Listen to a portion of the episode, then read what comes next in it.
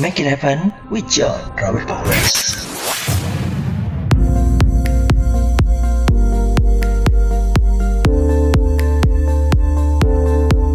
Halo, ketemu lagi dengan saya Andrew Ardianto. Ya, um, saya saat ini berada di Padukan Resto di daerah Kaliurang, uh, dekat dengan Yogyakarta. Kira-kira sekitar setengah jam sampai satu jam perjalanan uh, di Yogyakarta dan ini di kaki Gunung Merapi. Um, sayangnya memang karena lagi berawan, jadi kita nggak bisa ngelihat background Gunung Merapinya. Otherwise, it will be very awesome.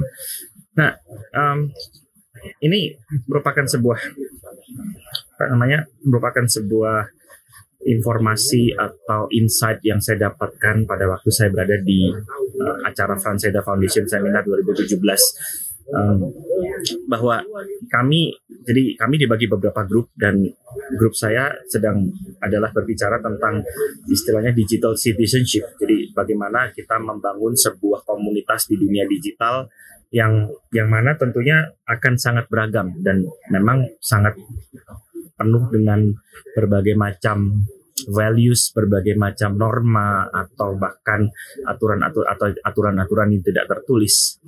Menariknya adalah kami um, menggali sebuah kata yang sering kali kita dengar di dalam dunia digital atau dunia internet, dunia sosial media, yaitu konten negatif saat kita membahas tentang istilahnya konten negatif, kita harus ber, bertanya kepada diri kita apa sebenarnya kata negatif. Dan di situ saya um, pagi hari ini kami dapat privilege, dapat sesi dari uh, seorang uh, pakar di bidang sosiopolitik di Indonesia uh, yang tidak lain tidak bukan adalah Profesor Franz Magnus Suseno atau yang sering kita kenal sebagai Romo Magnus yang di mana beliau merupakan orang yang pribadi yang sangat uh, sering memberikan uh, masukan baik kepada pemerintah maupun kepada banyak orang tentang menjal bagaimana menjalankan sebuah politik praktis yang uh, sehat saya rasa.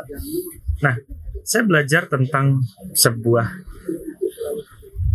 kata tadi negatif adalah sebuah kata yang sangat subjektif dan inilah yang saya gali selama uh, setelah dalam satu hari ini bicara tentang subjektivitas.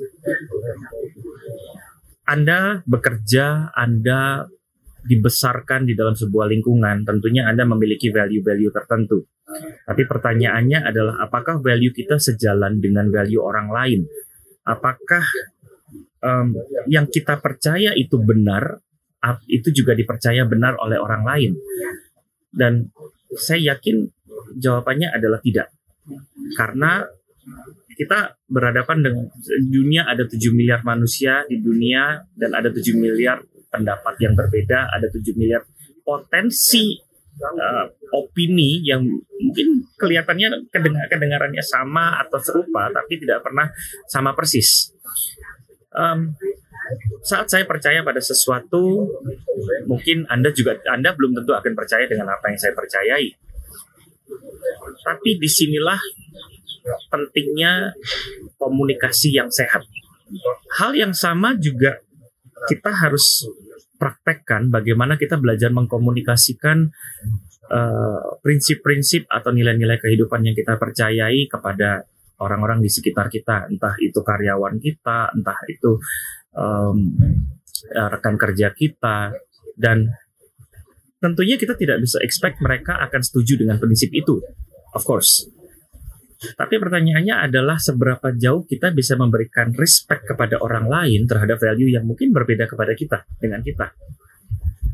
Kenapa sering terjadi tindakan-tindakan radikal? Kenapa sering terjadi tindakan-tindakan yang uh, perilaku-perilaku uh, yang kita anggap kurang sopan? Karena banyak orang hanya ingin didengar, tetapi mereka tidak belajar untuk mendengar.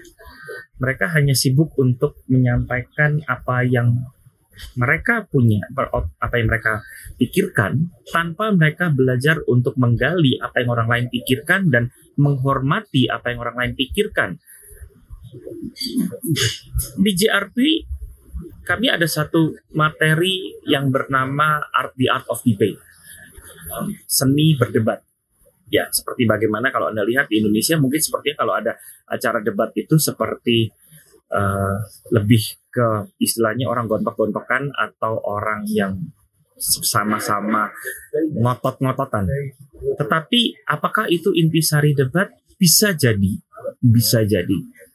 Tapi akar dari seni berdebat sendiri, orang yang dikatakan memiliki seni di dalam berdebat adalah orang yang uh, tahu bagaimana dia bisa menyampaikan opininya tanpa sifat yang koersif, tanpa sifat yang memaksakan pendapatnya, tapi dia bisa menyampaikan dengan argumen-argumen yang jelas. Dan tentunya kalau kita pada akhirnya kita harus mencapai sebuah konsensus bahwa belum tentu pihak lawan akan setuju dengan kita 100% dan kita harus sampai pada satu kesepakatan. The worst come the worst. Um, jadi worst come to worst kita harus sampai pada satu kesempatan kita agree untuk disagree. Kita sepakat untuk tidak sepakat.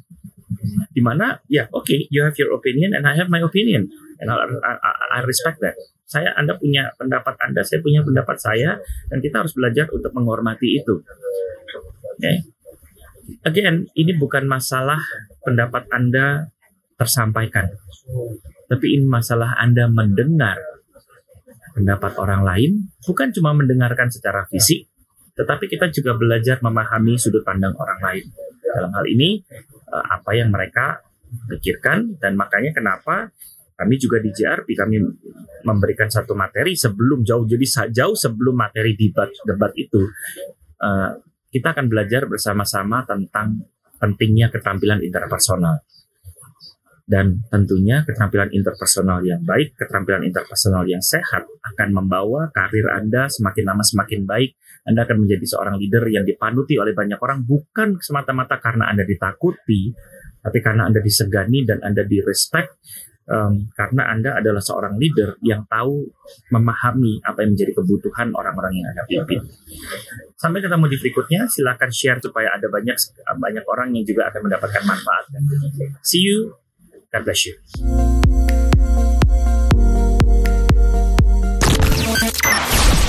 Make it happen with John Robert Powers.